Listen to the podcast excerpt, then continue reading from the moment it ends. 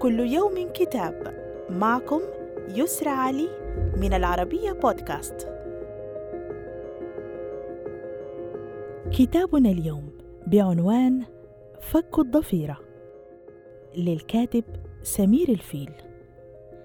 يواصل فيه الكاتب تأمله للحياة في تحولاتها وارتباط البشر بها عبر علاقات يغلب عليها الانقطاع وعدم التواصل. إنه ينصت جيدا للأصوات السرية في مجتمع يخشى الإعلان عن كل علاقة نبيلة ويهتم أكثر بالشكليات. نرى في الكتاب تأمل العلاقات الخطرة بين المرأة والرجل بحثا عن الجوهر باعتبار أن الحقيقة مراوغة ولا يمكن الإمساك بها بسهولة. صدر الكتاب عن دار غراب بالقاهرة. وإلى اللقاء مع كتاب جديد. thank you